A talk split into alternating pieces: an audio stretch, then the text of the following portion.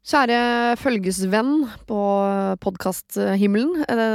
Du har jo nå Du vet jo hva du lastet ned, så det trenger ikke å være overbelærende med de greiene der. Men altså Siri og de gode hjelperne, og denne eh, episoden, da, så er det altså Adam Schjølberg og eh, Jorunn Stiansen som er mine gode hjelpere. De kjenner hverandre godt fra før. De er vel det jeg vel kan påstå å være gode venner, egentlig. Eh, så skravla går. Ikke noe problemer med det. Eh, så det er veldig en eh, god, hyggelig og intens time du har foran deg. Noen lette problemer, kanskje, men i dag vil jeg også si at vi er innom de aller, aller tyngste. Så god fornøyelse. Siri og de gode hjelperne. Lørdag og søndag fra 09.00 på Radio Norge. Eh, ok, Adam Sjølberg og Jorunn Stiansen, dere er da mine gode hjelpere denne, eh, i denne podkasten. Eh, og da tenkte jeg å åpne med et spørsmål som jeg har gått eh, Så jeg lærte det på journalistutdanningen min, som jeg tok da over ni år i England. Nei jeg har ingen uttalelse. Eh, og det er altså det herlige spørsmålet hvordan går det?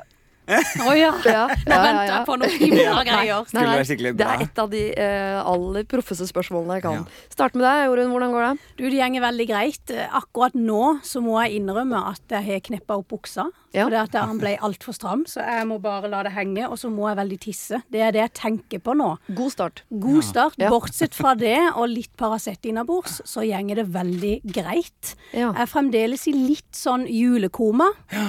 Jeg kjenner jeg trives veldig med å se på julepynten der ute, og dytter fortsatt i meg litt julekos. Har Ja. du juletrær hjemme ennå? Nei, jeg måtte jo ta det ut, for vi skal jo flytte over i den andre leiligheten, så det var veldig tungt. Eh, Han har aldri vært så tidlig ute i julepynten som i år. Nei. Så det var litt sånn kjedelig, men eh, dermed så skal det jo jules enda hardere i år, så allerede nå Ja. så har jeg begynt å planlegge jula 1. november 2020. Men den Paraceten, er tar du den fordi du da har gått med trang bukse, og så ble det vondt i kroppen? Ja, eller? egentlig. Nei. Nei, altså jeg brygger jo litt på litt influensa, da, så hadde jeg litt hodeverk, så tenkte jeg at for å være litt mer optimal når vi skal kose oss sammen, så måtte jeg ha ei pille innabords. Så den tok jeg. Men det at jeg kneppa opp buksa, det er rett og slett fordi jeg er så tisstrengt. Ja. Og har lagt litt på meg etter jula. Ja. Jeg tror du kanskje, Jorunn, er den eneste jeg vet om i Norge som uh, sier Du, det går veldig bra, men jeg har influensa og må tisse og buksa har blitt for trang. Og det er bare dårlige ting, men du har det bra. Ja, ja. Det Positivt syn på livet. Mm. Og så snakker du til Adam på en måte som jo uh, bærer preg av at dere kjenner hverandre fra før. Fordi eh, Adam, du bare nikker bekreftende. Du visste om dette med flytting og jula, at hun er glad i jul og inn og ut med pynt og det greier. Mm. Hvorfor kjenner dere hverandre? Jeg, jeg husker aldri helt om det er for, fordi vi har Jo, vi har jo gjort noen TV-programmer sammen. Hva Ja. var det første vi gjorde sammen, du og jeg? Var det Fire stjerners? Eh, Det var fire stjerners, ja. Så Ja. var vi jo på campen Camp etterpå. Culinaris. Ja. Men det var fire stjerner som var første gang. Og så hang jeg jo litt i kulissene når Jorunn var med i Skal vi danse, og det var hvilket år?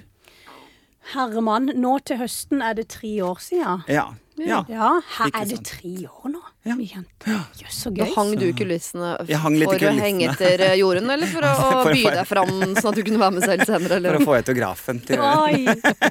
Nei, jeg, eh, min, eh, En av mine beste venner er jo Tor Petterson, som er dommer Ja. i Skal vi danse. Så Ja. jeg kjenner jo på en måte mye av crewet og har vært med en del litt sånn på forskjellige arrangementer og sånn. Så jeg syns jo alltid det er stas å komme innom en i løpet av sesongen og Ja. se på. Eh, så da, jeg husker jo at Jorunn var veldig flink. Det var veldig stas. Jeg syns jo Jorunn var litt skummel, jeg, da. Jeg trodde du sa jeg var så hoven. Ja, det var derfor jeg syntes du var litt skummel, fordi du var så hoven. Jeg skjønner ikke det, men det var på en fest da det var jeg full. Mm, ja, det var du. Men Ja. det var jeg òg. Ja. Men kan det hende at det er det eh, enkle forklaringen at Adam veldig gjerne ville snakke med Jorunn, og Jorunn hadde ikke tenkt tanken på at Ja, eh, Så du hadde være. andre tanker i hodet, og da, da blir man litt overlegen? ja, men helt ærlig, for hvis det her er den Var det den til Senkveldfesten? Ja, Ja, ja, for ja. da husker jeg så det, så tenkte jeg å, jeg så lyst til å snakke med han. Og så husker jeg når du, når du gjenger, så har du en sånn stolt, rak holdning. Så husker jeg så når du gikk sånn henover til baren, så tror jeg jeg òg ble litt Ja. sånn Nei, jeg tror ikke jeg prater med han i dag. Og det var da blikket vår- vårt møttes. For Ja. jeg var egentlig på vei til deg for å liksom si du, jeg må nesten hilse på deg, så hyggelig. Men så så jeg liksom blikket til Jorunn og tenkte sånn jeg snur og går til baren. Og dette var etter Fire stjerners? Nei, før. Og det var Ja, før, ja. ja, okay, okay. ok, Så, men så har vi jo på en måte blitt veldig gode venner da, etter Mm. Fire stjerners. Eh, Så det var litt sånn pang-ting som bare, jeg vet ikke Og hvem er de to andre firestjerner som dere ikke har blitt så god venn med? eh, Hvem var det igjen? Nei, det Jo, var det var Maria Stavang. Maria. Ja, og Ja, eh, Stig Stig André André. Berge, eh, bryter. Ja. Mm, mm, som vi var da. Men denne rake, fine holdningen som Jorunn da beskriver at du har, eh, Adam, så korrekt, den eh, bruker du jo for tiden på NRK, fordi du er med på Maestro, er det sånn man uttaler det? Maestro.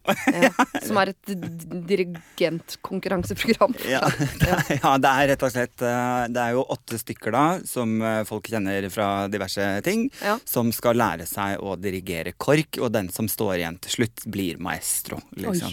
Ja. Eh, Det har vært en sesong før, for noen år siden. det har vært en så- sesong før. Da var det eh, Hilde Louise Asbjørnsen som vant mot Ja. Petter Skjerven i finalen. Ja. Eh, så det var jo da en musiker og en ikke-musiker. Men eh, man tenker jo at musikere skal ha et fortrinn her Mm, ja. i denne konkurransen. Men vi så jo nå på premieresendingen at, eh, at det var ikke nødvendigvis Mm. en sikkerhet. Nei, for de er jo vant til å bli leda, ikke så gode til å lede. Det kan Mm. være en vanskeligere vei å gå enn en som aldri har tatt stilling til skal jeg bli leda eller skal jeg lede når det kommer til musikk. Men det er kjempevanskelig. Altså, Det er virkelig sånn altså, Folk var sånn Er det ikke gøy å stå der oppe? Så bare sånn, Nei, det er ikke det. Hele produksjonen bare Det kommer til å bli så gøy. Du kommer til å ha det så gøy. Og så gikk jeg, og de bare Var det ikke gøy? Så var jeg sånn Nei. Jeg syns ikke det var noe gøy. Jeg syns det var forferdelig. Husker du noe av det?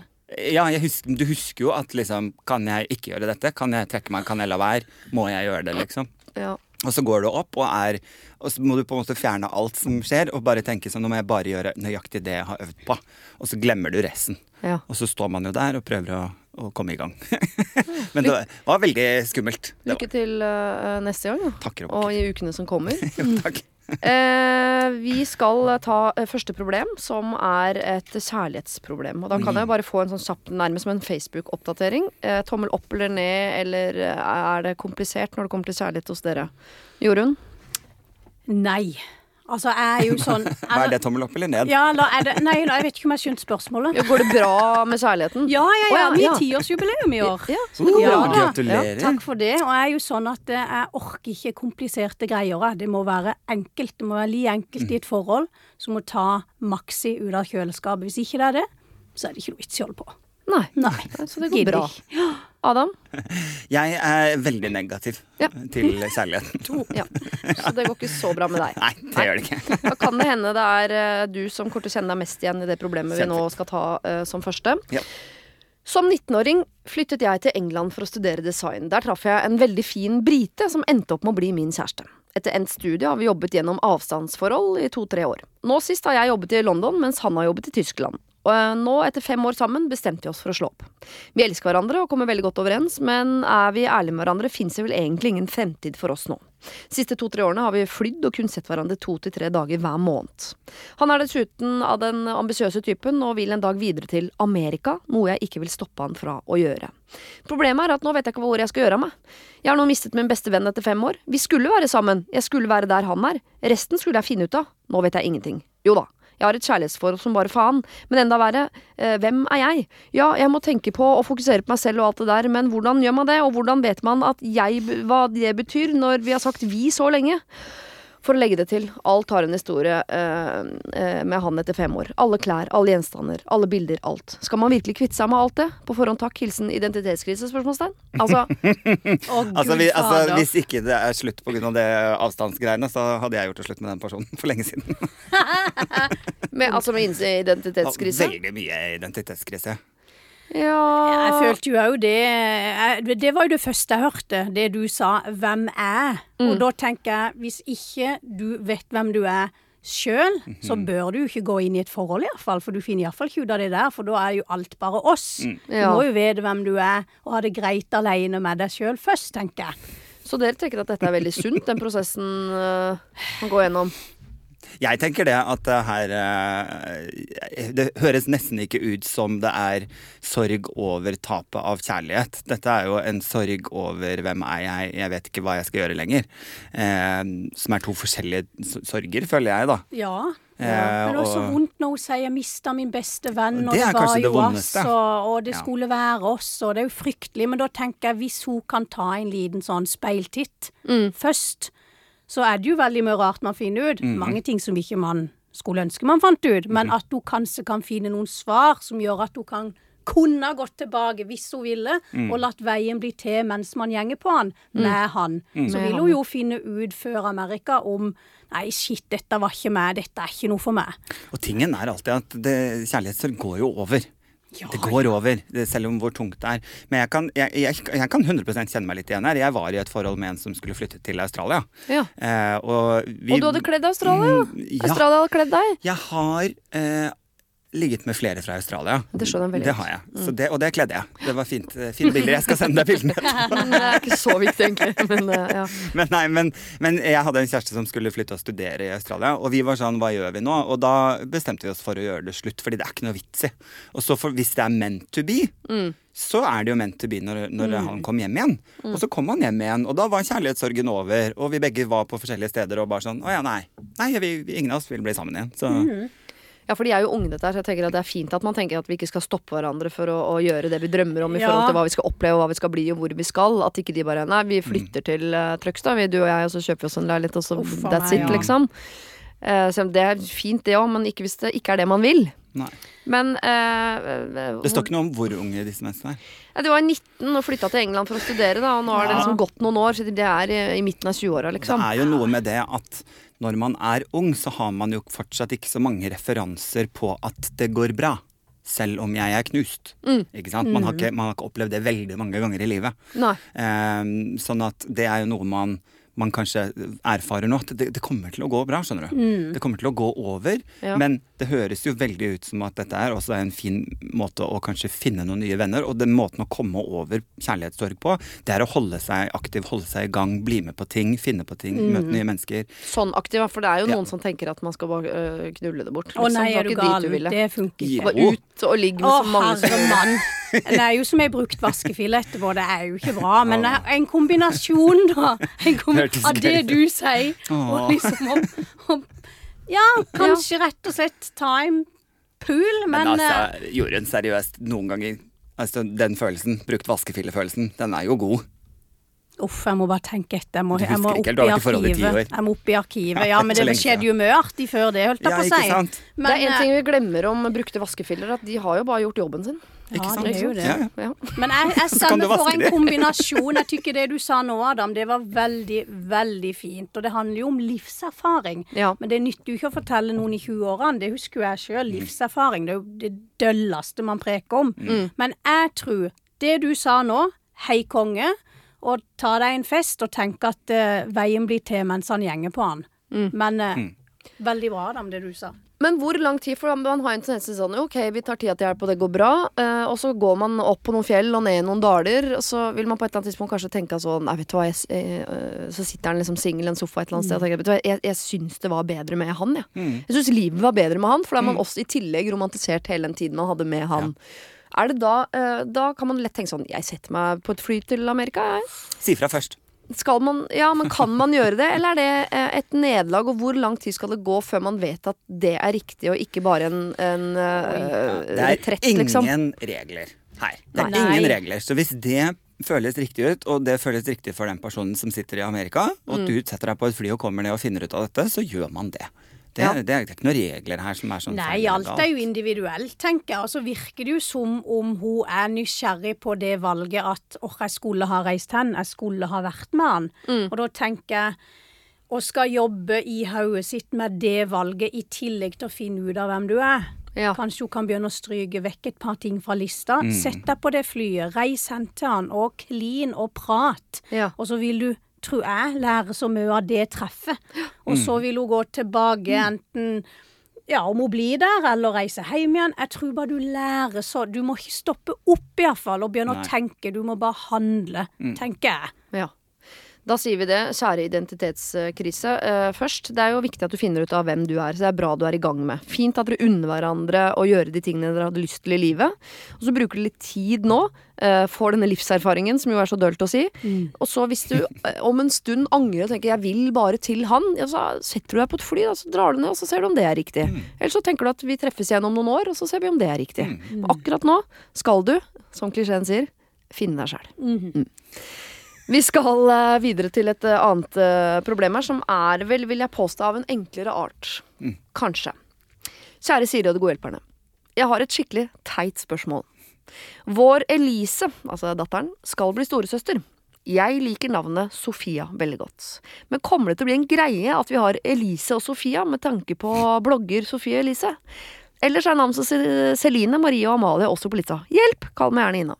Altså hun er redd for Altså Man Mm. gir jo noen navn, og så glemmer man at de navnene gir en assosiasjon som følger barna resten av livet. Ja, ikke sant? Min storebror heter Emil. Akkurat når han var eh, fem, så kom Emil i Lønneberget. Det har ikke traumatisert han, men det var en greie en stund. Ja. Så er Sofie og Elise er det navnene man skal gå for på dørskiltet hjemme? Oi, det var jeg. det var jeg nødt, det. Her bor Ina Petter, Sofie Elise. Ja, men så er det jo igjen, da, føler jeg, individuelt. Hvis jeg hadde likt et navn, og andre hadde assosiert det med noe negativt, så hadde jo jeg dritt i det. Men så er det jo som du sier, det er jo denne ungen, da, en skal tenke på. Ja. Det spiller jo ikke noen rolle egentlig å Det er jo denne ungen som skal leve med det navnet, men var det de verste navnene? Og Nei, men jeg tenker man går uh, har jo to barn sjøl. Man gikk gjennom sånn Skal vi tørre å kalle no, uh, ungen Nora? Kommer jo til å bli kalt for Hora. Og så kjenner man jo fire-fem Noraer opp igjennom. Det er ikke sånn at vi går og Og kaller de for Hora. Ikke sant? Ja, er det. Men uh, så jeg er enig sånn, det er ikke et problem egentlig, men det kan bli et problem. Men Ja. ja. Jeg syns alle barn egentlig bare bli, burde bli døpt til Per og Kari, og så skal de selv bestemme når de er 16. Oi, det det var en fiffig versjon. Ja, og så får alle en sånn nøytral religion som er en blanding mellom Mm. og politisk stå. Alle får en nøytral pakke, sånn startkit fra Ikea. Per og Kari. Ja. Mm. Og så velger de, designer de sin egen Personlighet. eh, Ja, når de er 16. Det var gøy. Det er jo sånn det egentlig er også. Mm. Bare at det er litt mer formalitet rundt det. Ja, kanskje det. Men uh, de er ute etter uh, en tommel opp eller ned på dette med uh, at uh, lillesøsteren Men var det hete Sofie- Sofia? Nei, det er Sofia? Så du må jo? Ja, virkelig da prøve å være ja, vanskelig òg. Ja, da Ja. Så jeg også føler, hvis man, hvis man liker da disse navnene så godt, så syns jeg ikke noen ting skal stoppe en der. Eh, men det er klart Man har jo allerede tenkt tanken. Ja. Sånn at eh, det kommer nok til å skje. Men det er jo, man kan jo ikke gå rundt og eh, Man kan ikke gå rundt og være redd for det er Samme som at mamma liksom skulle sagt jeg håper sønnen ikke min blir homo, fordi da blir kanskje livet hans vanskelig. Livet Ja. kommer til å bli vanskelig, så det kan ikke mamma stoppe. Nei. sånn at eh, det må man jo på en måte tåle. Kanskje hun hele tenker sånn Tenk hvis han blir sammen med en som heter Eva! Ja. Så gøy! Eller Even. Ja, Even. Even og Adam. Å, det er fint. Nei. Men så tenker jeg også at uh, jo, Sofie Elise har jo lagt ned bloggen sin nå. Mm. Så det er ikke sikkert når Sofie og Elise her blir liksom 13 og 14 og sånn. Ikke sikkert at folk husker Det er dette. ikke Nei, og så tenker jeg herre mann, er det ikke godt å bli prekt om òg, da, enn å ikke bli prata om? Og så tenker jeg igjen, hvis hun digger de her navnene, mm. så velg nå de. Og så tar du den praten med unga hvis de skulle komme utfor og heim og gaule. Ja. Men igjen, da. Det er jo en grunn til at Sofie Elise er en av Norges største bloggere. På godt og vondt. Og da må jo hun mora, da, hvis det blir noe mobberiet, må jo hun prøve å vri det positivt, da. ja. Alt handler jo om åssen du preker til ungene dine, tenker jeg. Så hun må jo stå for det valget hun tar. Velger hun de navnene. Kjempegøy å ha på veggen! Uhu! Og så spekker du ungene på dette. Jøss, så fine navn. Det her er jo hei konge. ja. Skjer det noe en dag, så tar du den oppvasken da. Ja. Jeg hadde valgt de navnene. Hvis man har lyst til det. Jeg skal, få, jeg skal ha barn, jeg skal ha to stykker, en gutt og en jente, som skal hete Jorunn og Stian. Å, så gøy! Åh, det er fint! Men bare, man kan jo også på dette dørskiltet Så kommer det til å stå Elise og så Sofia etterpå. Og da skal du være ganske kreativ for å flytte inni hodet ditt Sofia foran Elise og legge til en E istedenfor en A og linke det opp mot hun influenseren. Altså, ja. Tykker du er en kranglepinne, da? Da er du en kranglepinne. Ja. Den jeg tror det er Altså, vanskelig for, er mor. Ja. Fordi for det, og det, Jeg vet ikke om du har tenkt på det, Ina, men jeg, jeg tror ikke dette blir et problem for, problem for barna. Mm. Men det er nok kanskje sånn at mange tenker sånn Å, herregud, hvor stor fan av Sofie Elise er du egentlig, som har oppkalt begge barna dine Det er det hun er redd for. Ja. Det, ja, men ikke sant, det er det jeg også tenker her. Man kan, ikke, man kan ikke på en måte tilrettelegge for at barna kanskje ikke skal få noe vanskelig eller oppleve Nei. noe i livet. Dette går mer på henne. Det er noe hun selv er redd for. Ja. Eh, I sitt eget vel og ve. Så Ja. Så da må hun kjenne at hun kan stå for at ja, jeg elsker Sofie Elise så høyt at jeg har oppkalt barna mine etter dem. Selv om hun har ikke det, men hun må kunne leve med den fordommen. Hun må kunne stå i det hvis hun blir spurt om det, ja. Men Ja. stand at hun digger Sofie Elise? Nei, så ingenting om. Nei, så da må hun jo enten eh, Da er jo det ja eller nei om har du oppkalt unger etter Sofie Elise, eller har du ikke. Ja. Så da er jo det svaret For hun har nå en fra før som heter Elise, og så Ja. vil hun ha en til som heter Sofia. Sofia, ja. Ja, Ja. ikke sant? Det Vært verre om det var sånn Anna og Elsa, liksom. Skjønner du? Ja. Mm. Ja, sånn, litt sånn «Å, tegneserie. Ja, Ja. jeg elsker Frost, Ja, ja. ja. Og det hadde jo vært gøy, tykker jeg, da. Det er litt gøy, men da virker det Ja. også som en vits, liksom. Altså, Ole Dole og Doffen. Ja. Altså, Vet du hva, jeg tror uh, Ina, det der kommer helt eh, sikkert til å gå greit. Eh, Elise heter jo Elise, sånn er det. I hvert fall fram til hun eventuelt bytter selv, hvis hun har lyst til det. Eh, Sofia, kjempefint navn hvis det er det du vil ha. Sett det etter Elise på dørskiltet. Og så må du tørre å liksom uh, stå i den eventuelle fordommen som kanskje noen kommer til å få, om at du uh, digger Sofie Elise helt sånn vilt mye. Ja vel, da gjør du okay. det, da. Tenker at det er greit, ja. Vi skal til noe tyngre, dere. Eh, fordi det åpner 'jeg er desperat om å ha hjelp'. Så allerede der skjønner jeg at dette er tungt. Ja. Her står det. Jeg bor i et uh, terrassehus uh, på toppen. Et sånt sted som ser ut som du har dratt ut alle skuffene i kommoden. Dere skjønner. Terrasseblokk, da. Under soveromsvinduene våre er det en liten hybel på 30 kvadratmeter hvor det er flytta inn en dame godt opp i åra. Hun har musefletter og røyker og jobber i helsevesenet. Hun står ute og blåser røyk opp til oss. Vi har spurt pent om hun kan slutte å røyke eller røyke et annet sted, men vi fikk til svar Dumt av dere å bo over meg! Det er så deilig. Jeg liker henne litt for Ja, Men, men bare på avstand. Ja. Jeg vil ikke ha henne som nabo. Hun står virkelig på, og, har, eh, eh, og man kjenner typen når man har gått over 50 av musefletter, bor på hybel og røyker som en svamp og driter i alt og alle. Vi har prøvd flere ganger å snakke med henne, men ingenting går inn. Vi har en gutt på 18, og jeg har nettopp, fått, eh, nettopp hatt et kraftig hjerteinfarkt, og jeg orker ikke dette. Ikke kan vi lufte, ikke kan vi opp vinduet, ikke noen ting, for det stinker overalt. Her en dagen henta jeg vannslangen en dag hun sto der, og så spyla jeg vår terrasse. Da renner nemlig alt vannet ned til henne. Hun klaget oss da inn til styret, og styret sier at uh, hvis jeg gjør det en gang til, så får det konsekvenser for vårt boforhold. Det, eh, altså, det, det blåser vi. Det er vel ingen som kan bli kastet ut pga. vanning. De hører bare på hennes side og sier til oss at det er jo ikke forbudt å røyke. Hjelp, hva kan vi gjøre? PS. Jeg har prøvd å komme med forslag at hun kan ha vinduet eh, lukket hele dagen og halve kvelden, men det er hun ikke med på. Eh, og eh, hun står inne og røyker under vifta når det er dårlig vær, så det, så det er en mulighet. Så dette er kun for å irritere. Kall meg gjerne fru Narvestad. Ja, dere skjønner. Oi, ja, dette er en pikkel, altså. Ja, og her er det jo altså, det er jo helt riktig. Hun naboen gjør noe irriterende, men som er lov. Mm. Og så er det de da som eh, eh, vanner, som jo antageligvis ikke er så lov på den måten. I det øyet med det er gjort, ja. Og det er jo der Altså, det her kan jo jeg òg absolutt kjenne meg igjen i. Men det er derfor jeg må være himla forsiktig med hva jeg sier nå, for jeg kjenner jeg blir litt fyrt. Men jeg skjønner hun, eller hun vannedama, vi kaller hun vannedama. Ja. Jeg skjønner henne kjempegodt, men igjen, da. Så er det jo det der, det lærte jo jeg her om dagen, at hun, eh, hun Røyge Bertha under Hun har jo kjøpt denne leiligheten. Hun eier jo, hun òg. ja, eller hun leier, da, men leietagere har jo ofte flere rettigheter enn eiere. Det har jeg jo erfart. Ja. Så det, det, jeg, må, jeg må høre, jeg har litt innspill av Adam her før jeg sier noe. Jeg syns du skal fortsette litt. Nei da, er da misnøyd. For nå jeg gnistrer det i uh, dirigentøynene dine. For du vet at uh, Jorunn står og smugrøyker og irriterer Ja, folk med det? eller? sant? Ja, det hun. Nei, ja, det som er det andre som gjør opp for Ja, meg. jeg, jeg fortsetter litt på den. Nei, men det at det er bare Jeg kjenner det blir så varm. Jeg kan ikke preke om det, vet du. Nei. Alle kjenner alle. Nei, eh, ja, jeg Er det noe å gjøre her? Fins det noe å gjøre her? Eh, Jeg tenker jo altså, hadde, For jeg, jeg husker jo følelsen av at jeg røykte selv. Ja. Eh, nå er det 15 år siden jeg slutta å røyke, men jeg husker jo den følelsen at jeg vil røyke, jeg bestemmer det selv. Om naboen ikke røyker, det driter jo jeg i, liksom. Eh, Og den muligheten har man vel? Ja ja, man har jo Men det. Men det jeg føler er så irriterende her, da, er at uh, Røyge-Bertha Mm. nå, har- nå er det gått så langt at hun er blitt litt sinna. Ja. Og nå har hun bestemt seg for å være vanskelig. Ja. Og det er jo da kommunikasjonen gjenger åt skogen. Det er jo da det blir vanskelig for hun andre som prøver å finne løsninger og faktisk komme til orde. For nå er det sånn Nei! Skal ikke røyke under vifta, og skal absolutt blåse som Hunsås fabrikk hele tida. Ja. Altså det å, å, tre, å treffe sånn noen folk i kommunikasjon, det gjenger jo ikke. Så jeg blir litt sånn Hva er rettighetene her? Vi skulle hatt det, vi skulle hatt det i båg her nå. Jo, men det er helt Altså, jeg mener at eh, Jeg ville også irritert meg over når vi kalte for vannedama og røykeberta. Ja. Jeg, ville, som, jeg er nok mer en vannedame enn en røykeberte. Så jeg ville ha irritert meg over røykeberta. Garantert. Ja. Men jeg vet jo at hadde jeg bodd på 30 kvadrat og røyka, så hadde jo jeg gått ut på verandaen og røyka, selv om naboen syntes det var irriterende. For jeg tenker sånn Jeg skjønner at det er irriterende, Men dette er mitt liv, Mm. og dette er lov. Mm.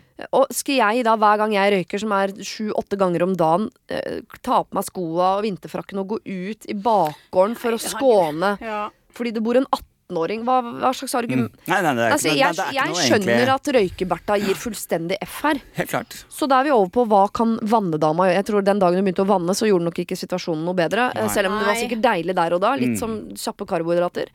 Men eh, Så vi er over på hva kan eh, vannedama og hennes vannefamilie gjøre for å, å de er nesten over på praktiske løsninger. Altså Hva gjør man for å ikke få Ja, det det. opp dine Ja. Jeg vet ikke, men er det sånn at når hun da er ute og røyker på verandaen, kan du lukke døren? Det hjalp ikke, eller?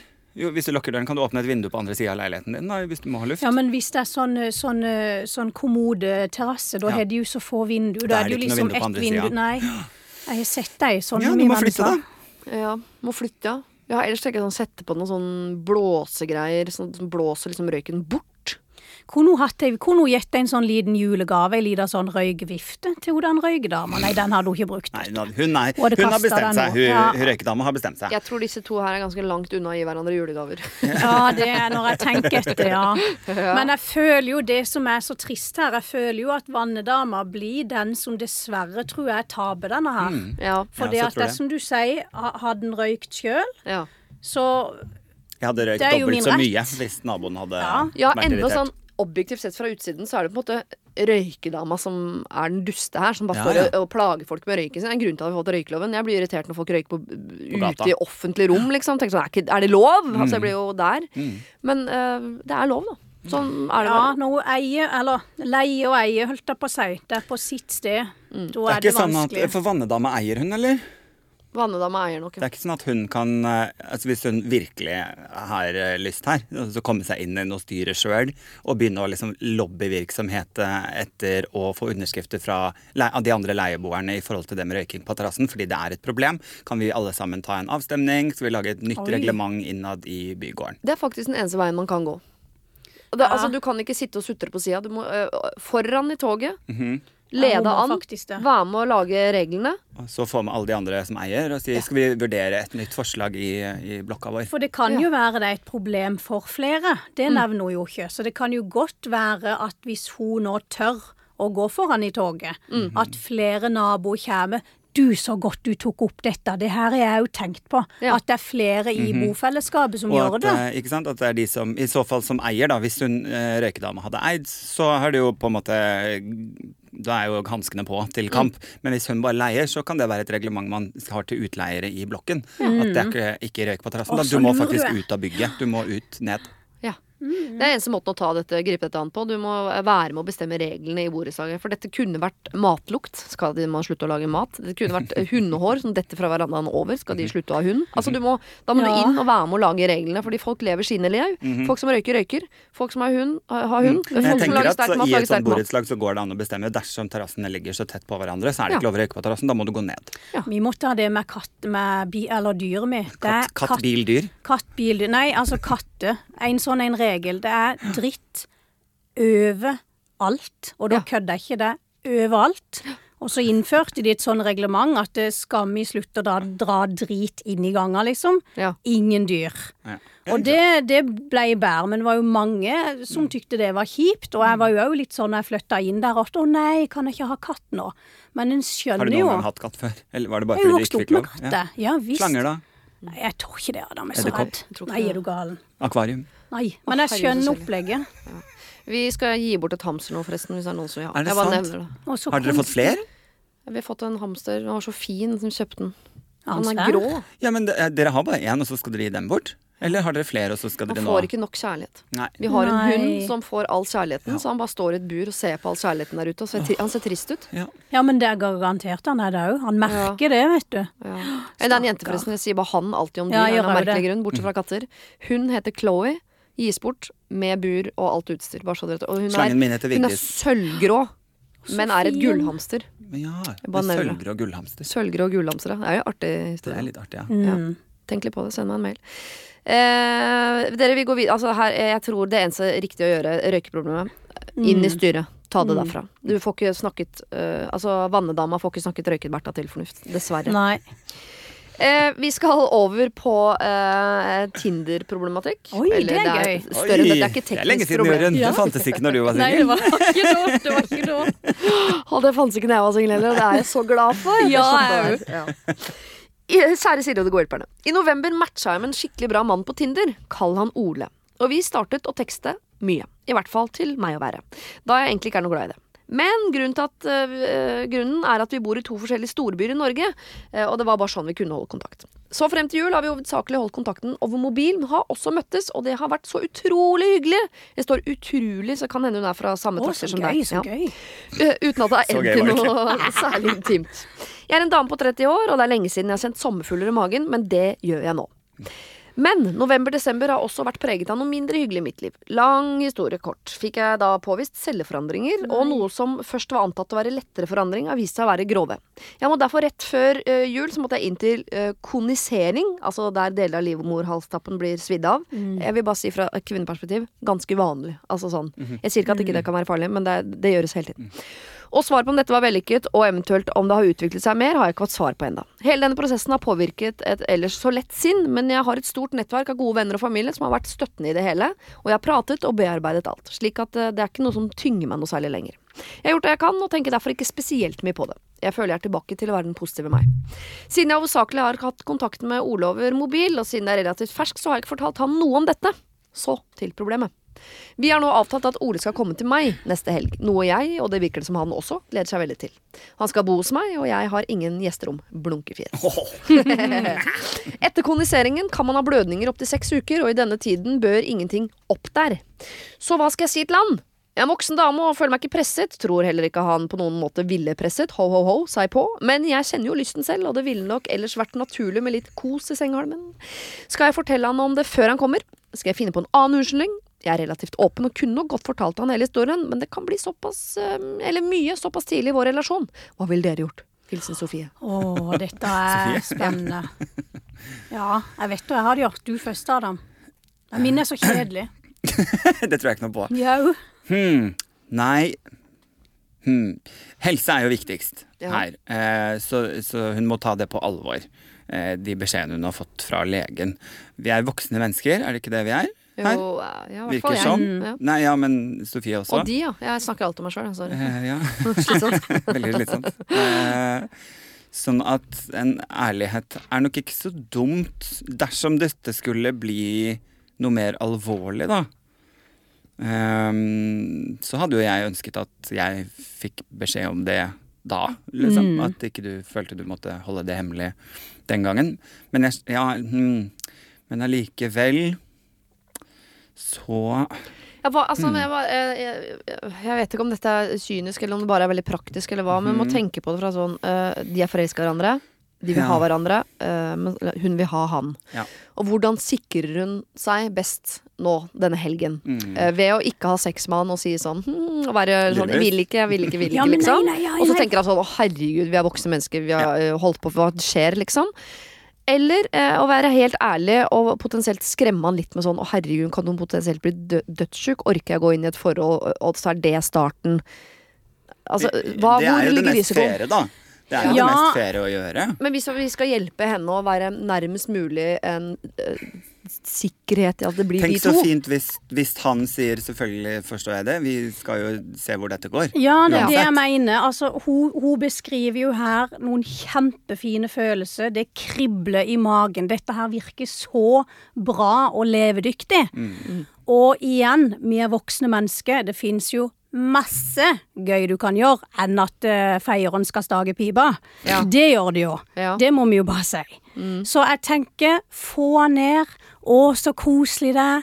Og de kliner, ikke sant. Og de har den relasjonen de har. Og så hadde jeg sagt, du vet du nå, nå vil jeg ikke skrømme deg, men jeg vil rett og slett være så ærlig jeg kan med deg, for jeg har tru på oss. Så dette tykker jeg du burde vite. Og så måten hun skriver det på der, så er det jo ikke en misforstå meg rett, dødsdom. Hun sier jo det har gått greit, jeg har masse venner som støtter meg. At hun kan legge det fram sånn, Ja. og si det at jeg ville bare du skulle vite dette om det, om meg. Ja. Sånn er jeg nå. Hvis ikke, og, og så kan hun høre han si, så vil jo praten lede det fram til at det blir ikke noe det Vi blir kan tenne i peisen, men ikke feie. ja, Vi kan tenne i peisen, masse kobbe, men ikke feie. Så tror jeg han hadde satt så pris på den ærligheten. Hva annet skal man gjøre da? Hun kan ikke være, ikke være i luremus. Ikke være Nei, men- luremus. Nei, det eneste jeg lurer på, er om hun øh, ikke at Ole tenker nødvendigvis sånn Å, herregud, jeg er sjuk, det gidder jeg ikke å være med på. Men sånn er vi der at vi føler at vi må ta alvorlige prater allerede? Bare når du sier sånn 'jeg har trua på oss to', hva brukte du? Ja, Og da jeg kan man tenker tenke sånn, hva da, oss to? Er vi ikke bare At han kan få, ja, Ja, men- at han kan få hetta? Det, og det er helt innforstått meg. På meg så virker det som at eh, de har data såpass lenge, og de har meldt såpass godt med hverandre at, at det Kall det der de er, tåler det. Men hvis hun kjenner at uff, nei, vi er ikke der ennå, det er ikke vi mellom middag, og ja, og gjorde du i kveld, åssen film og serie ser du på? Så forstår jeg det, men da må hun si jeg tenker iallfall ærlighet er best. Bare si det rett som det er, Ja. og så må hun ta energien og Altså det han sier. Og jeg også tenker eh, helt enig, men jeg ville kanskje unngått å brukt ord som oss og har trua på Ja, men vi liksom. vet jo ikke ånden. Nei, jeg vet ikke liksom relasjonen de har, Nei. men samtidig så, tre, så er jo det for hennes del også. Altså, all del. Man trenger jo ikke på en måte late som man er gift når man ikke er det. Sånn at, eh, men Nei, være, Jeg gjør det hver dag. ja, men, men, man, eh, men man, jeg syns også man skal være ærlig, og så skal du ikke på en måte frarøve muligheten for han å være en fin fyr. Mm. Fordi at det kan godt hende han er det, og sier 'oi, ja, men så, det skjønner jeg jo'. Ja. Selvfølgelig, det, det, betyr, det betyr ikke at han er en drittsekk som sier 'å ja, da vil jeg ikke'. Du må ikke ta det for gitt heller. Men syns du han skal Nei. få muligheten til å være en fin fyr eh, altså der og da foran peisen? Eller skal han få muligheten til å være en fin fyr ø, på SMS i forkant? At hun skal, for det skisserer hun også som en mulighet at hun skal si fra allerede før han kommer. Det må hun ikke. Nei, da føler jeg det blir enda mer eh, Det er å ta en alvorlig, alvorlig ja, prat alvorlig, på SMS. ja, og det skal man jo ikke nei. gjøre. Nei, men Må det være en alvorlig prat? For det er den alvorlige praten jeg tenker at vi skal litt bort fra. At det ikke skal, fordi jeg tenker sånn eh, Det er to måter å Eller det er sikkert hundre, men uh, man kan legge det fram sånn Vi to må snakke om noe alvorlig. Da hadde jeg kanskje tenkt sånn Oi, det var tidlig. Mm. Uh, men hun kan også si sånn Hei, jeg skulle bare si fra om at til helga jeg gleder meg masse. Dessverre kan kanskje ikke bruke feie i pipa. Bare sånn uh, Jeg vil bare si fra at vi kan ikke sånn og sånn, fordi jeg har hatt noe greier. Men det går bra, ikke tenk på det, vi skal kose oss. Ja. At man, legger, man bagatelliser, bagatelliserer det så mye som mulig, så ikke det blir en sånn greie sånn Du, vi må snakke. For den Ja, setningen det- vil du ikke høre før sånn fire-fem år uti et forhold. Nei, det er sant, det. Hvis, hvis, hvis hun er den typen, så er jo det en perfekt måte å gjøre det på, sånn du sier nå. For da Ja. blir det ikke så skummelt for han heller. Men er hun for å si sånn Jeg er lett til sinns, nå er jeg tilbake til positive meg. Altså, mm -hmm. Hun høres ut som en Ja, da litt er sånn hun sånn. Da er hun sånn. Ja. Men uh, ja, det var ikke meningen at jeg skulle overbevise Nei, dere om det. jeg Jeg tenker jeg at det kan være fint å si fra. Om ikke på SMS, så ring han, liksom. Jeg hadde tatt det når han var der nede, ass. Ja, det er heller ja, altså, tatt hadde, det litt sånn, ja, Hvis du skal sende en SMS, så må du for all del unngå at det blir alvorlig. At Ja. det er en alvorlig tone. sånn at det er der jeg mener at hvis man på en måte Altså, du må ikke gjøre det. For all del, ikke send en veldig alvorlig SMS. Nei. Eh, så jeg ville heller unngått det og på en måte tatt det med lettbein, mer lettbeint av når han kommer. Eventuelt ring han Ja. på forhånd, og ta det lettbeint av også. Det er bare hvis han Jeg, jeg vel liker setningen 'han må få muligheten til å vise at han er en fin person'. Ja.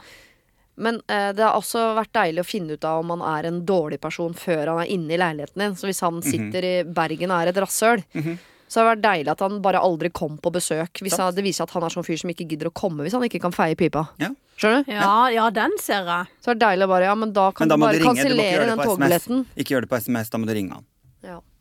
Ja, Du må ringe, eller så hadde jeg Jeg hadde jo vært veldig nysgjerrig på å finne ut åssen han var. At uh, han kunne ha kommet på besøk, Mhm. og så hadde du funnet på Jeg regner ikke med de skal rett under lagene, liksom. At de kan finne på litt ting og kose seg, og ikke sant. Og så Ja. vil du jo da òg bli kjent med han. Kan du legge opp et, et sinnssykt opplegg hele fredagen som er sånn fra location til location. Det er, er ikke noe rom for å komme seg under lakenet. skal ned i pipa. Nei, absolutt ikke. Så det er gode tolv timer med eh, event, liksom, før Og så tenker jeg noe. også at det kan være ganske gøy å øh, Dersom han kommer ned nå, at man ikke Altså at julenissen hopper ned i pipa, men at man gjør alt det andre. For det kan jo faktisk være ganske gøy å ikke ta liksom skrittet helt fullt ut, men bare sånn halvveis.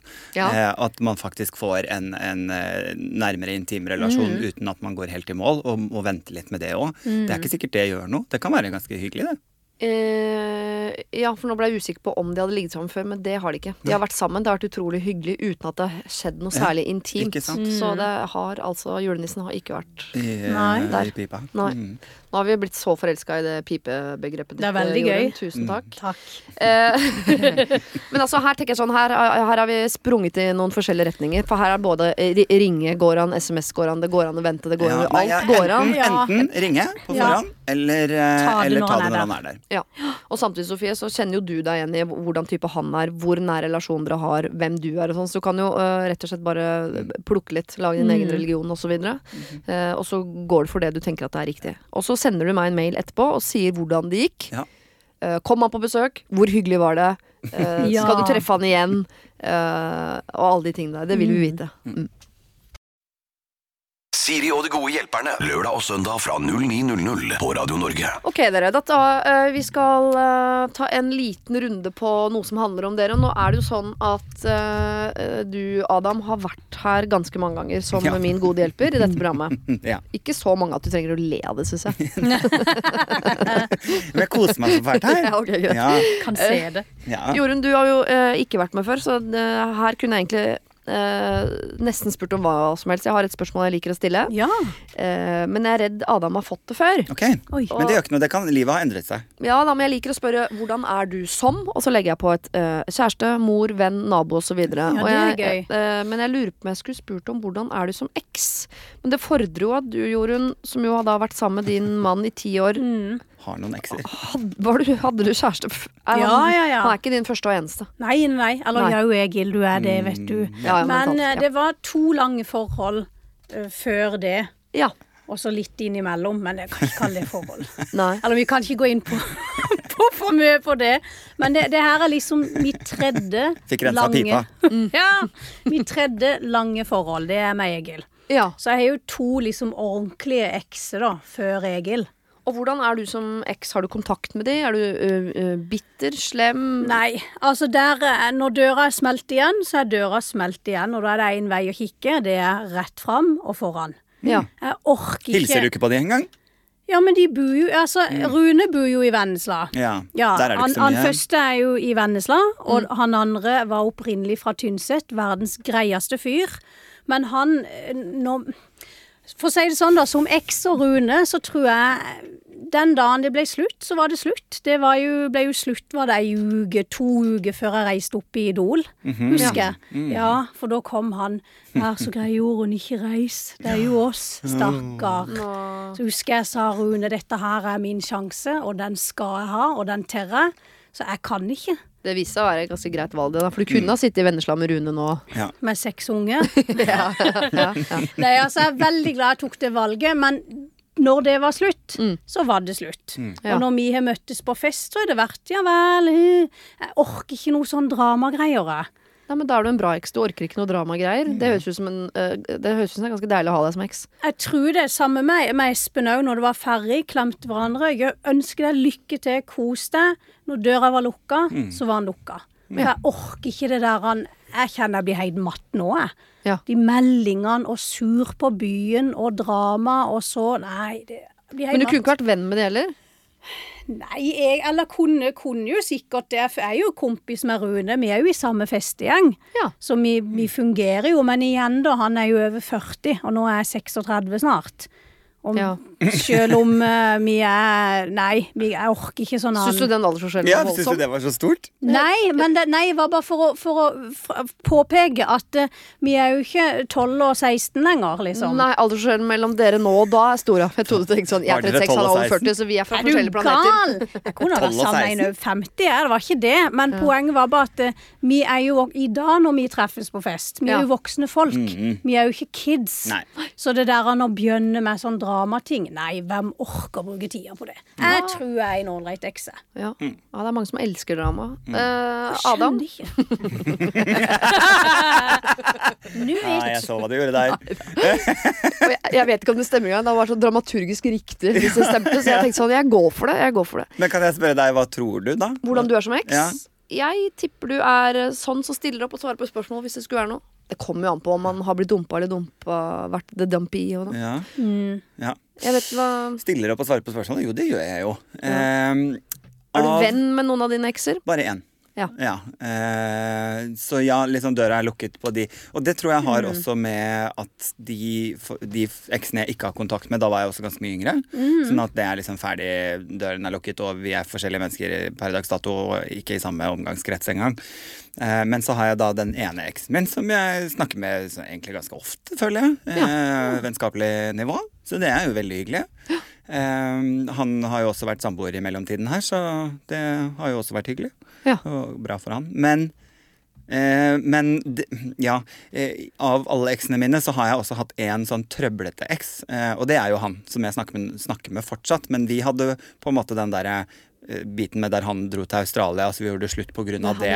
Så kom han hjem igjen, og da var egentlig planen kanskje se hvor dette bærer. Men da var vi liksom ikke enige begge to. også? Så det var mye frem og tilbake Ja. en periode der. Eh, og da var nok jeg mest frem og tilbake Ja.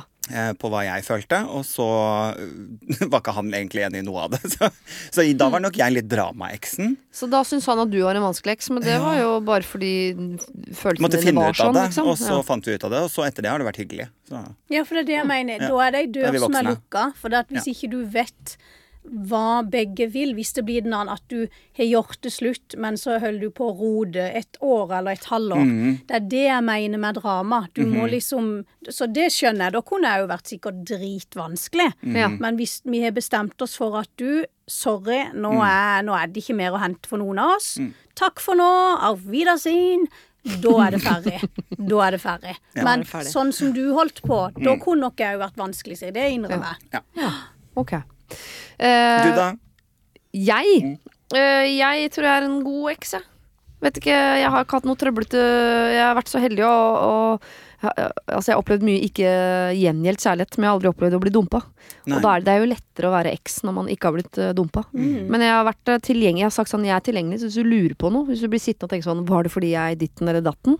Bare spør. Så jeg tror Ja, det er ganske grei eks, altså. Det kom jo opp hadde lokføreren kommet inn nå og sagt sånn Jeg flytter ut, jeg har funnet meg en uh, 18 år gammel eh, kvinne som jeg elsker. Traff henne i går. Så hadde jeg vært vanskelig eks. Jeg hadde sagt jeg tar begge ungene, du ser dem aldri igjen, vi flytter til en annen by, snakkes. Altså, det, det hadde nok gått. Jeg hadde blitt bitter og grusom. Jeg ser den. Håper du hører på. Nei da. Dere, vi skal til et problem som er for så vidt mye mindre betent, vil jeg påstå. Men her er det altså noe som jeg vil Det kan bli et problem. Dette kan bli et problem. Hei, Siri og de gode hjelperne. Jeg står midt i et dilemma, og jeg aner ikke hva jeg skal gjøre. Jeg er student og i starten av 20-åra. Jeg har flyttet og bor i kollektiv til, i en dyr norsk by og har fått en kompis som er fra denne byen. Han studerer også. Han innrømmet nylig at han tar ut fullt studielån, altså lån og stipend fra Lånekassa, men han bor hjemme. Altså Han oppgir at han bor på en annen adresse enn der han faktisk bor, slik at han får titusener i stipend som han ikke har rett på, siden han jo faktisk bor hjemme. Dette vil dreie seg over, om over 100 000 kroner når studieperioden er over, og jeg syns det er svært umoralsk, og jeg kjenner at jeg blir sur, siden han har en familie og god økonomi. Jeg kommer fra litt dårligere kår og jobber deltid for å få det til å gå rundt. Jeg har lyst til å melde han inn, noe som kan gjøres anonymt, men samtidig føler jeg at det er litt slemt, eller at jeg er mer en bitter person enn jeg ønsker å være. Jeg vurderer også å snakke med han, men er redd vennskapet vil ryke da eh, vi ikke er supernære. Hva syns dere? Denne personen er ikke min aller beste venn, men vi henger en del sammen med andre i løpet av semesteret. Det jeg vil påpeke, er at han er en gnien type. Han spaderer aldri sånn som vi andre gjør, og sender bitte små Vipps-krav dersom, eh, dersom han har lagt ut litt mer enn oss andre. Noe som sjelden skjer. Så hva skal jeg gjøre? Skal jeg si fra, eller skal jeg heve meg over det? Hilsen Kai. Oi, denne var Altså, jeg, var, jeg var liksom helt med på å ikke si noe helt til dette Vipps-kravet kom. Da vet jeg hva jeg hadde gjort. Du hadde sagt ifra, hadde du, så det Anonymt. holdt. Ja, men det handler ikke om moral, det handler om bare Ja. øh, faen i Ja, ja. liksom. Ja. Jo, Ja, for frem til det han. så var jeg liksom sånn altså, Det må du tåle. Det kjenner han ikke så godt. Hvis han gjør det, la han gjøre det. Ja. Eh, Men med en gang det Vipps-kravet kom, så kjente jeg det. Da rant begeret over. Jeg hadde lett meldt ifra. ja. Anonymt og bare meldt ifra. Mm. Ja, fordi den andre veien å gå og snakke med han, det hadde du ikke giddet. Hvis ikke de kjenner hverandre så godt, hvis det er en bekjent, Mm. da skal det irritere deg græslig mye for at du eh, setter deg ned og prater med han, tenker jeg. For da Mm. er vi jo litt tilbake til det der han Ja, men hva har du med hva jeg gjør for noe privat? Mm. Du skal jo ikke bry deg og legge deg opp i mine penger, hva jeg gjør for noe. Hadde det vært en nær venn, en god nær venn, så hadde jeg kanskje prekt med personen, men hvis det er en bekjent, så virker det jo her som om det er litt sånn fanden i sida. Han er irritert på dette, for han må jobbe og slite. Og så sitter den andre og snylter på kassa. Jeg, jeg, ja, jeg, jeg vet da søren, jeg. Om jeg Ja, Kai er nok litt irritert. Han, har nok også liksom, han blir irritert over de Vipps-kravene. Han blir irritert over at han bare får penger inn som han ikke fortjener, mens han må jobbe og slite for å få Ja. endene til å møtes. Og det er ikke sånn at livet til Kai blir jo ikke noe bedre av at uh, livet til kompisen blir litt vanskeligere. Det er ikke sånn, det er ikke sånn at de pengene da går over til Nei. Kai, eller altså, Nei. Så livet hans er fortsatt som det er. Mm. Men han har fått liksom tatt en sånn liten hevn på øvre middelklasse, liksom. Ja, Du skjønner? ja. Det er jo en slags belønning i seg sjøl. Jeg vet hva jeg hadde gjort. Ja. Så du hadde ringt inn dette, uh, dette her. Det er så deilig. Ja. Men jeg syns det er rart at dere henger dere opp i uh, fordi de ikke kjenner hverandre så godt. Fordi hadde det vært en nær venn, Mm. så tror jeg jeg hadde irritert meg mindre. Fordi da hadde jo vi hatt en Altså sånn greie Jorunn da, på si, for, si mm. det hadde vært oss to da, og du hadde gjort det Altså I utgangspunktet så hadde jo ikke det gått utover mitt liv på noen som helst måte. Sånn at jeg hadde latt deg styre med det. Men hvis jeg hadde vært vokter av moralen, eh, og vært en sånn person som antageligvis har lyst til å åpne eget detektivbyrå i fremtiden og snuske rundt i andres vel og ve eh, Hvis jeg er den personen, så hadde jeg snakket med deg og sagt vet du hva, jeg syns dette er veldig ubehagelig. Eh, og jeg syns i hvert fall det der når du kommer med sånne vippskrav, for jeg jobber og sliter for mine penger, og så sitter du og bare snylter på kassa, og så skal du være frekk nok til å komme med Vipps-krav når du vet at jeg sliter, det syns jeg er dårlig gjort. Det mener jeg du kan si hadde det vært du og meg. Ja. For det er jo sånn Men hvis det er en person jeg så vidt liksom er sånn bekjentskap Ja, med i samme gjeng, som jeg også er irritert på, lett. Ja, for man kan jo kontre når du får det Vipps-kravet på 25 kroner. Ja. Så kan du si sånn, men du er ikke Du skylder meg vel strengt talt 25 kroner, fordi de 100 000 du får i ulovlig stipend, de er jo går jo fra mine skattepenger Ja. Ja? Man, kan, man kan være den Man personen. være den personen. Det, er, det er nesten like irriterende som et Vipps-krav. Ja. Det, jeg hadde ikke giddet å være den personen. Jeg hadde gjort det anonymt og bare meldt ifra. Men samtidig så er vi jo litt avhengig av at noen gidder å være disse menneskene, Fordi de har, det er jo ikke lov. Det er en person Nei. som snylter på systemet. Og hvis alle bare sånn Nei, jeg vil ikke være en sånn person som sier fra, så vil jeg jeg, Altså Ja, men Trenger vi ikke de mener. som- Jeg er for Ja, men- snylting på systemet fram til dette Vipps-kravet. Oh, ja. Ja, Ja. Det er der det snudde for meg. Ja, altså, okay. Kjempegøy. Snylt på kassa. Jo, jo, kjør på, liksom. Jeg er veldig for det. Og jeg var, hjernen min gikk også litt sånn Ok, hvordan kunne jeg brukt og sagt akkurat det du var inne på nå, men at liksom, dette er også litt av mine skattepenger. Jeg skal ikke si fra dersom jeg får en cut. Ikke sant? Hjernen min går jo dit òg. I'm a hustler. Sånn at, men igjen, eh, med en gang dette Vipps-kravet kom, så var det bråsnu for meg. Rett inn. Anmeld eh, dritten. Anmeld fyren. Ja. Vet du hva, jeg, jeg er enig. Sånn, eh, du vil ikke være mer eh, Da virker du som en bit, mer bitter person enn du ønsker å være. Det er jeg enig i. Det er du på en måte da. Men kanskje du skal være det, Fordi jeg tror samfunnet trenger noen som er sånn som sier fra om de tingene som foregår der ute, som, som egentlig ikke er lov, men som bare alle gjør fordi de tenker sånn ja, men det er greit, det er bare meg, og det er bare meg. Ja, Nei, det er ikke bare deg. det er ikke bare deg. Det Nei. er ikke det. Og det Nei, det er jo eh, flere enn han her. Men Ja. det, er, det er litt sånn hvis han, se- For han sier jo òg når vi funnet på ting, Mm. så får jeg Vipps-krav. Så det må jo være en i nær omgangskrets. Det er ikke Ja. Bestevennen, men det er inni i vennegjengen.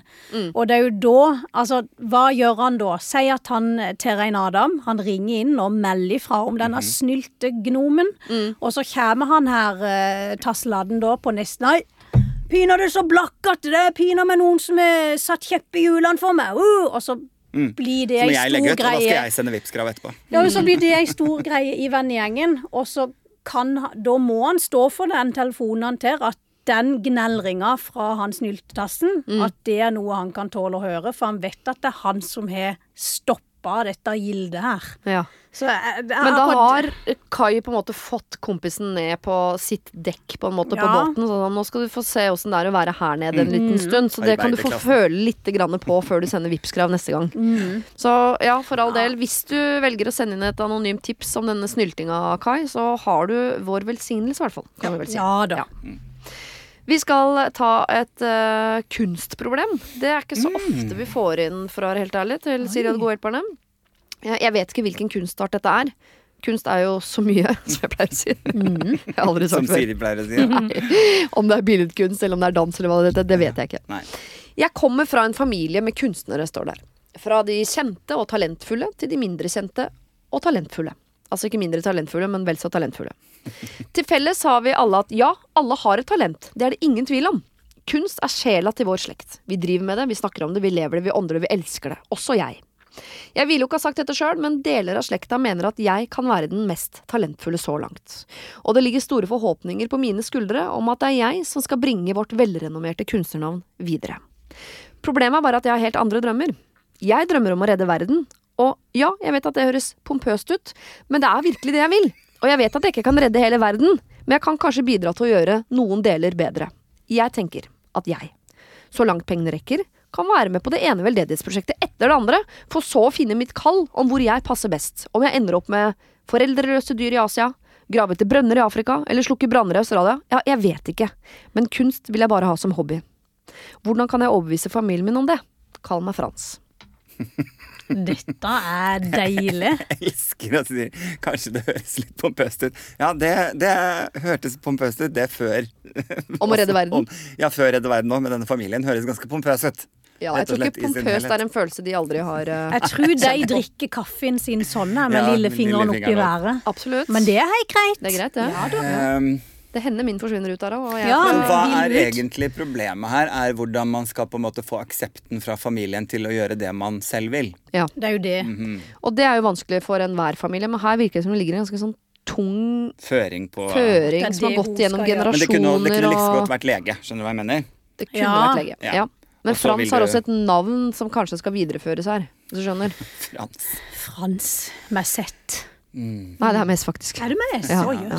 Ja. Nei, men jeg ser jo den at eh, hvis dette er en familie som lever og ånder for kunst og har et veldig eh, Beskrev Frans om han Altså han har foreldre eller en familie som krever mye av han. Eller er ikke det beskrevet? Nei, det står ikke at de krever, men det er Men det helt tydelig at det er en forventning her En om at Frans skal bli den neste store som bringer familien videre. Ja. Ja.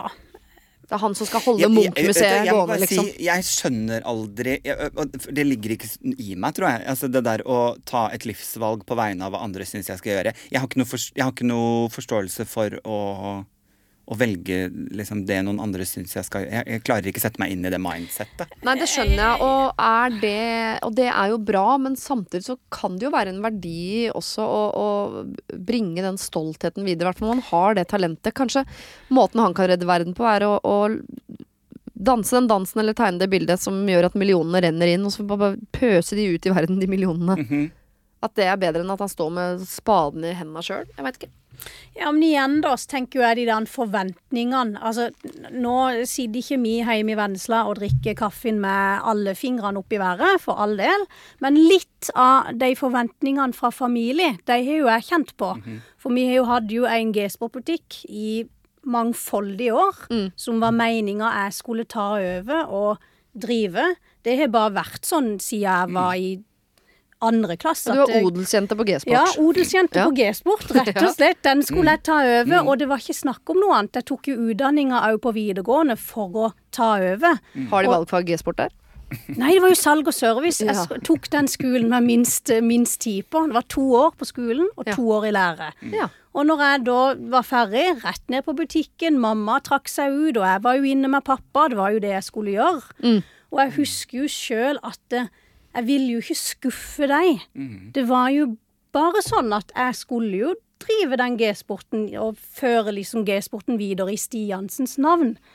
Men det er en butikk det er snakk om, jeg skjønner det. Men bare den forventninga, da. Ja, ja. Og så når jeg da sier til paps du, eh, jeg vil ikke ha butikken, jeg vil gjøre musikk. Jeg vil inn i underholdningsbransjen. Ja. Jeg husker å si det, selv om dette er snakk om en bitte liten butikk i Vennesla. Så husker jeg jo det kribla litt i magen. Ja. Da hadde jo ikke lyst til å skuffe dem. Men Og ble her- de skuffet? Hvordan gikk det? Nei, jeg husker han sa er du sikker på at det er dette du vil? Denne eh, butikken har vi jo hatt i mange år, og denne kan jo du få til å vokse. Du kan jo gjøre større ting med den. Det er trygt og sikkert. Så husker jeg jo at jeg begynte å tenke, men husker jeg tenkte nei. Det, det var din drøm å starte en sportsbutikk. Det er Ja. ikke min drøm. Nei. Så jeg sto jo i valget mitt. Og, men det høres jo ut som Frans er jo en helt annen, et helt annet press. Her er det snakk om kunst, sikkert svære greier, vi vet jo ikke. Ja, for Så- dere høres ut som en ganske sånn jordnær og nøktern, hyggelig familie fra Vennesla. Her ser jeg for meg det sånn jeg, jeg tipper at disse ikke kommer til å ta det like pent Ja, som og det er pappa det min jeg mener. Det var det jeg ville fram til med min lille greie. At jeg kjente det i magen på det at jeg vil jo ikke skuffe familien. Jeg vil jo holde dette videre. Så jeg skjønner at han er litt i tvil på det, men han må jo gjøre det han vil. Det han er meint å gjøre. Og hvis han vil ut og redde verden, så gjør nå det, da. Ja. Men jeg bare ser for meg at dette også kan la seg kombinere.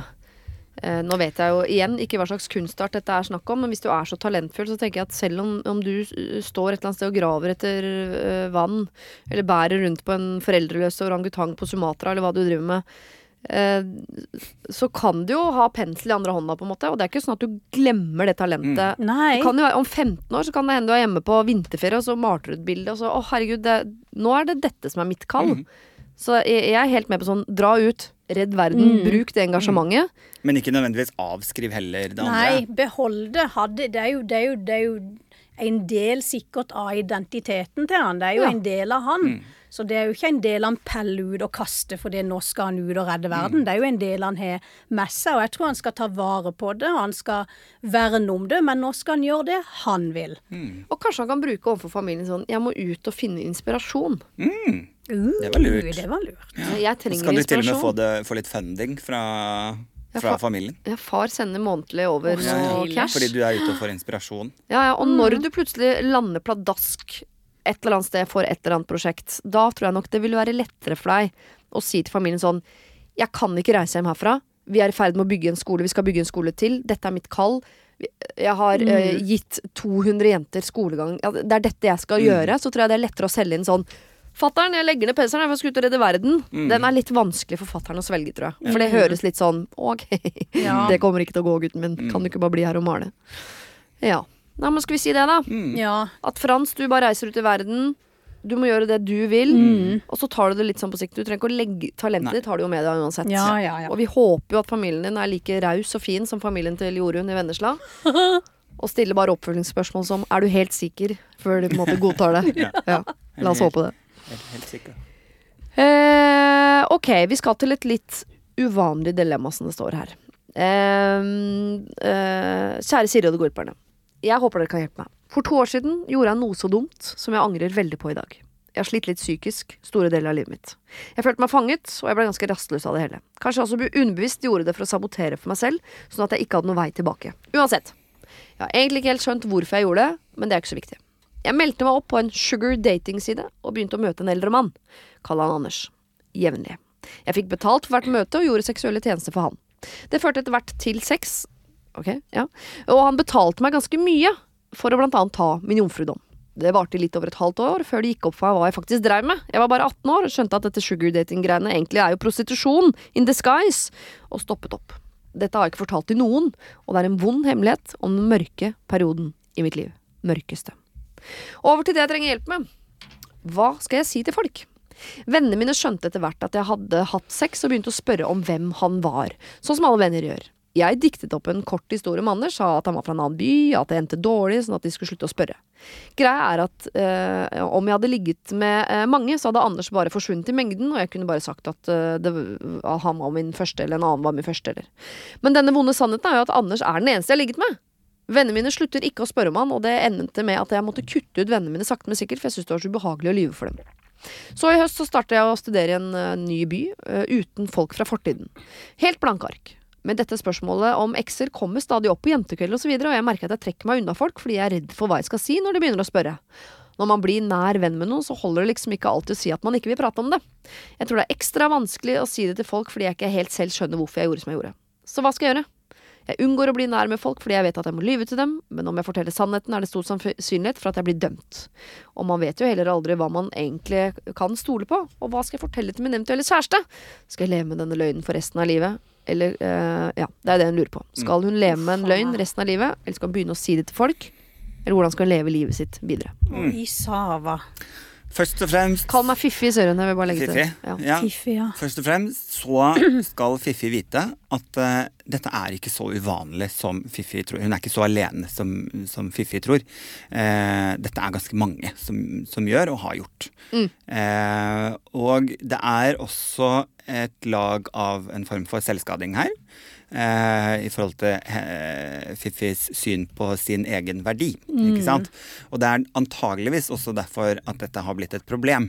Eh, fordi det ligger noe feil i egenverdien til Fiffi. Eh, og så er det jo Egentlig har hun svart på sitt eget spørsmål her, fordi eh, skal jeg leve videre med denne løgnen som tynger meg, som gjør at jeg forandrer livet mitt, som gjør at jeg trekker meg unna? Som gjør, skal jeg le altså hun har jo svart her selv på at nei, det skal du ikke. Men spørsmålet er jo hvordan skal man leve med dette åpent? Hvor stor del av livet mitt skal dette nå være? Ikke sant? Ja, for er dette en del av livet hennes som hun på en måte Må hun drive og fortelle Jeg vet ikke om alle jeg kjenner hva deres første seksuelle erfaring var, om den var en god eller dårlig. Men antageligvis så tynger det henne Når det spørsmålet kommer, så til slutt så ser man ikke at her kunne jeg avfeid med en, en enkel historie eller en løgn eller hva, hva det nå enn er, men, men sannheten tynger henne så mye at det hun lager et problem av henne. Det. Men da kan det hende at ja, den sannheten øh, den skal ut, men ikke i alle bauger og kanter og til Nei. alle og her og der. Velg deg liksom én som du snakker med om. Kanskje det holder. Kanskje du må opp i Det to. fins også faktisk øh, vet du, Det fins noen organisasjoner som snakker med folk som har gjort dette. Ja. Eh, som man kan kontakte. Jeg skal prøve å komme på hvem det er. Eh, Ellers så lar det seg vel google. Ja, det lar seg også google. Eh, for spesielt i skeive miljøer så er dette veldig vanlig.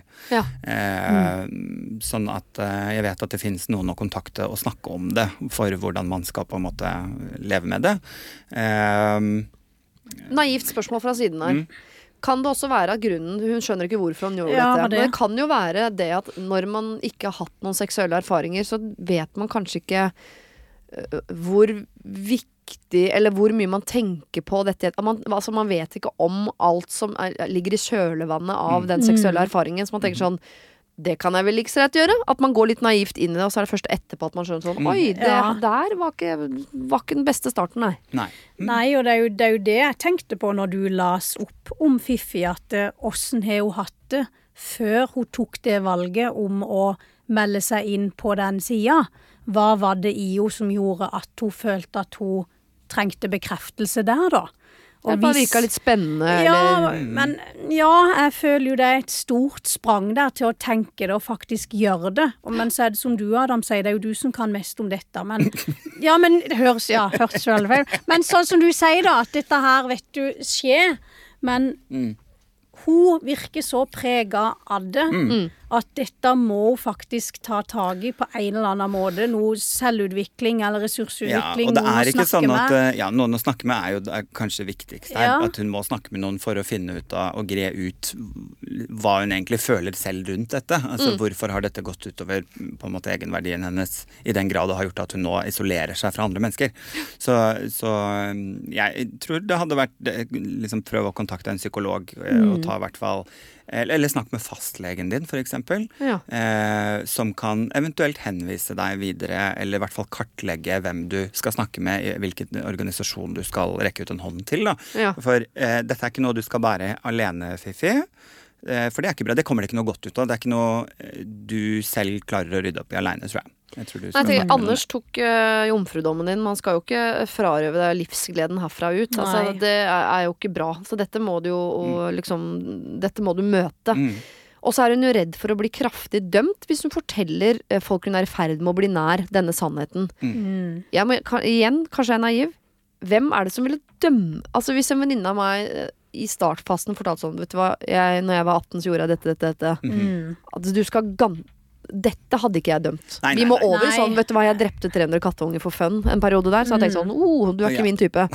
Men, eh, men at man Denne hemmeligheten her, Fiffi, den hadde ikke preget mitt syn på deg. Nei, ikke Og det er det jeg mener, da. Jeg tror ikke folk hadde dømt henne like hardt som hun sitter nå og dømmer seg selv. Mm. Eh, og da er det på en måte Da er det noe annet som ligger under her. Da er det jo noe egenverdi og noe som er litt off. Fordi at eh, folk ville møtt med, antageligvis med mye mer forståelse enn det Fifi selv gjør. Ja. Mot seg selv, da. Så ja, fastlegen, ja, oppsøke hjelp. Mm. Uh, men også tenker jeg på et eller annet tidspunkt, tror jeg ikke du skal være så redd for å si dette. Du, altså, du trenger ikke å gjøre det på 'jeg har aldri drikkeleken' og legge det fram Nei. sjøl. Jeg har nei, nei, aldri og sted drevet med sugardating, og så tar du en slurk, liksom. Vi er ikke der.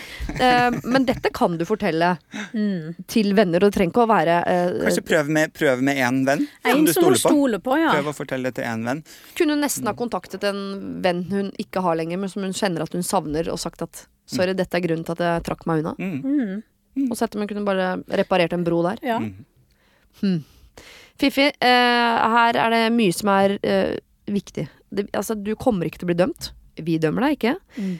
Eh, Du må snakke med noen. Du kan både snakke med venner, eh, for vi tror ikke det er så farlig som du eh, tenker at det er inni hodet ditt. Du kan også ta kontakt med fastlegen, ta kontakt med psykolog på egen hånd.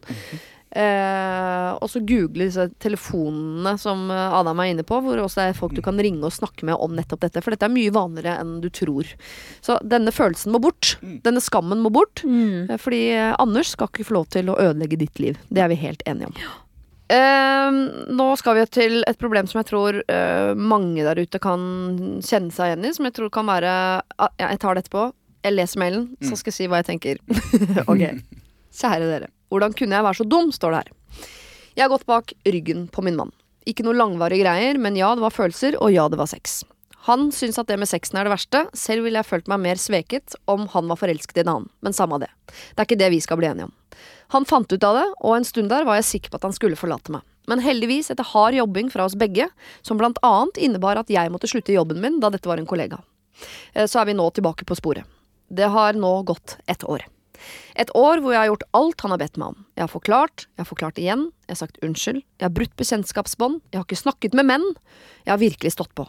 Og ting er i ferd med å bli litt som før. Men hver gang vi krangler, selv om eh, det er helt andre ting vi er uenige om, og det kanskje er han som har sagt eller gjort noe dumt, så får jeg ikke lov til å bli sint på han. Han kontrer med en gang og sier ja, jeg har i hvert fall ikke begått det ultimate svik, kan han finne på å si. Eh, han eh, mener at jeg, han alltid har noe å gå på i forhold til meg. Men en eller annen gang må han jo slippe det. Kan jeg kreve det, eller må jeg krype for bestandig? kaller meg Kristiane. Og det jeg mente var at jeg tror noen kan jo finne tilbake til hverandre etter eh, utroskap, men jeg tror en del av det likevel går fra hverandre på sikt, fordi På av man har blitt dette. enige om å slippe det, og så klarer man ikke. Mm. Uh, og så ligger det også her uh, Ja, nei, la oss ta det, ja. Men Kan, uh, kan jeg kreve det, eller må jeg krype for bestandig? Åh, den er Det er jo vanskelig. det er kjempevanskelig, for det er jo klart at selv om han er, virker nå kanskje litt uh, urettferdig her, eller ikke virker, han er litt urettferdig her, så kommer det jo også fra et såret sted. Så det er jo klart, men det skal man jo ikke glemme, at han er såret og lei seg. Men det er klart, det er litt som du sier, det, man henger seg opp i det, og så klarer man ikke la det gå, selv om man har sagt at vi skulle sette en strek over det. Og det er jo veldig vanskelig, og mest sannsynlig derfor veldig mange også ikke klarer å holde sammen. Selv om man egentlig ville det i etterkant, da. Eh, fordi nei, man skal, hun skal ikke krype Nei, jeg føler heller ikke det. Og da gjenger det jo det gjenger jo på livskvaliteten hos begge to. Ja. Altså, hun har det ikke greit hvis ikke han har det greit, og han har det ikke greit hvis hun ikke har det greit. Og hvis hun på en måte skal gå så underlegen resten av livet, og på en måte være unnvikende i disku, altså diskusjoner, krangling, at hun trekker seg Hun blir veldig at hun aldri kan vinne, på Hun kan aldri noe. vinne, og hun tør ikke kampe. Det, det, det er jo ikke et bærekraftig forhold på sikt, tenker jeg, hvis ingen av de For hvis han er sur, så blir hun sur, og motsatt. Ja. Men hvordan skal man komme Hvordan skal man klare å snu det der? Fordi det kan man jo sikkert snakke om hundre ganger og bli enig om Ja hundre da. ganger. Og så idet han blir såra lei seg Mm, eller føler seg trua eller blir sint, så bare skyter han på instinktene, og da er vi rett tilbake til det ultimate svik. Mm. Sto det om de hadde vært i noe behandling? Nei. Slags form for behandling? parterapi hadde jo høres ut som en veldig sånn lur ting å kanskje prøve en time, da. Ja. Og bare Ja. se om det gir noe som helst.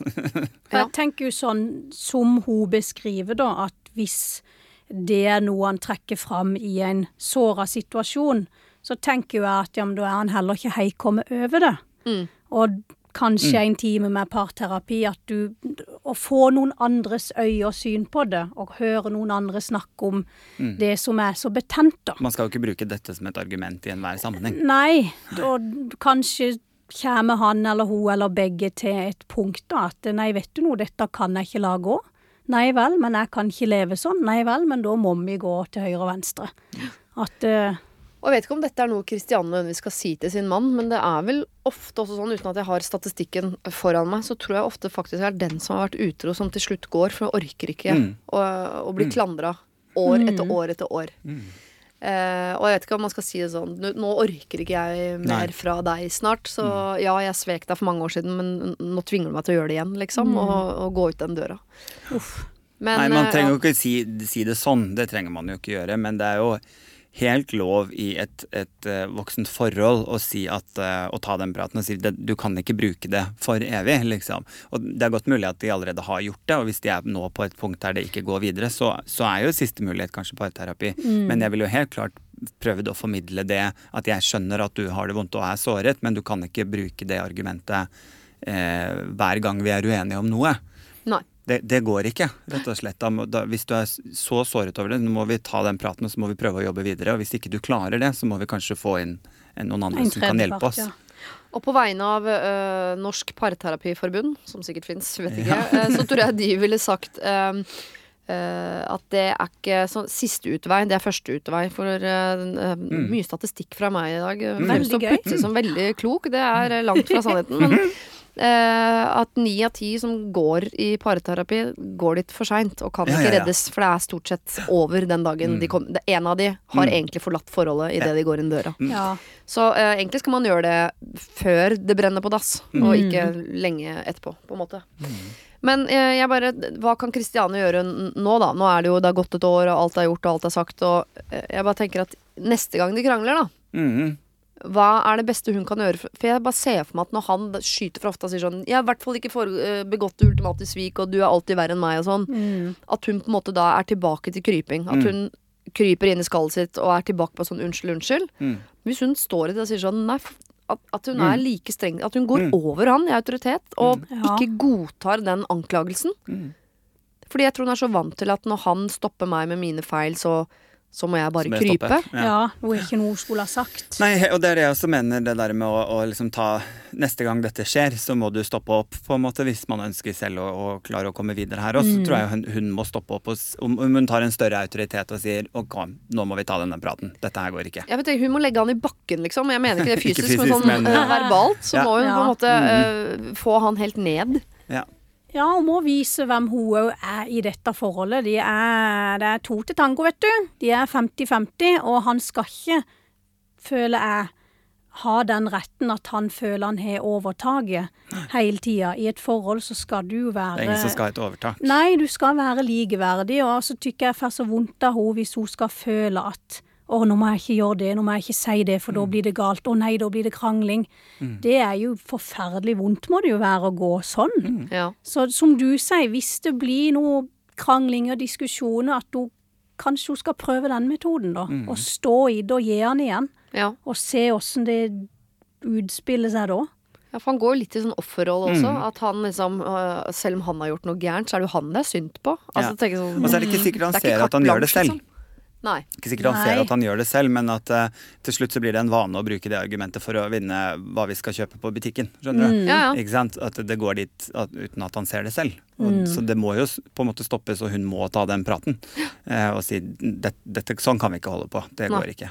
Jeg hører meg selv skrike tilbake sånn Nå er det du som ødelegger denne familien. Liksom. Mm. Det, er, er, det er faktisk ikke jeg som ødelegger. Det er, nå er det du som ødelegger. Ja. Det hører jeg meg Jeg ser meg selv Ja, ja. skrike dette. På en rolig og kontrollert måte. ja, absolutt. Jeg håper jeg slipper å komme dit. Men Kristiane, eh, du skal ikke krype for bestandig. Eh, se om du kan få han med deg til parterapi. Eh, Se om du ved, en, ved neste anledning eller neste krangel kan innta en annen rolle. Mm. Eh, fordi dette må få en slutt på. Hvis ikke så er det faktisk du som på et eller annet tidspunkt kommer til å, å bryte opp og, og gå ut av det forholdet. For dette orker man ikke for bestandig. Da blir man jo Nei. underkua og ulykkelig. Ja, Det, for meg er det ikke verdt det. Nei. Nei. Så det skal vi ikke ha nå. Eh, lykke til, Kristiane. Da har vi eh, tatt en bunke problemer. Eh, og jeg vil si tusen takk for god hjelp, Jorunn Stiansen og Adam Sjølberg. Veldig hyggelig. Tusen takk. Og så håper jeg livet blir bra denne våren, og at vi ses igjen.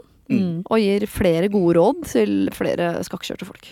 Siri og de gode hjelperne. Lørdag og søndag fra 09.00 på Radio Norge. Det var de eh, problemene vi hadde den eh, runden her. Eh, tror vi kom fram til noen gode løsninger. Altså, altså, språket til Jorunn er jo bare å Jeg har lyst til å smøre meg inn med det som om det var en fuktighetskrem.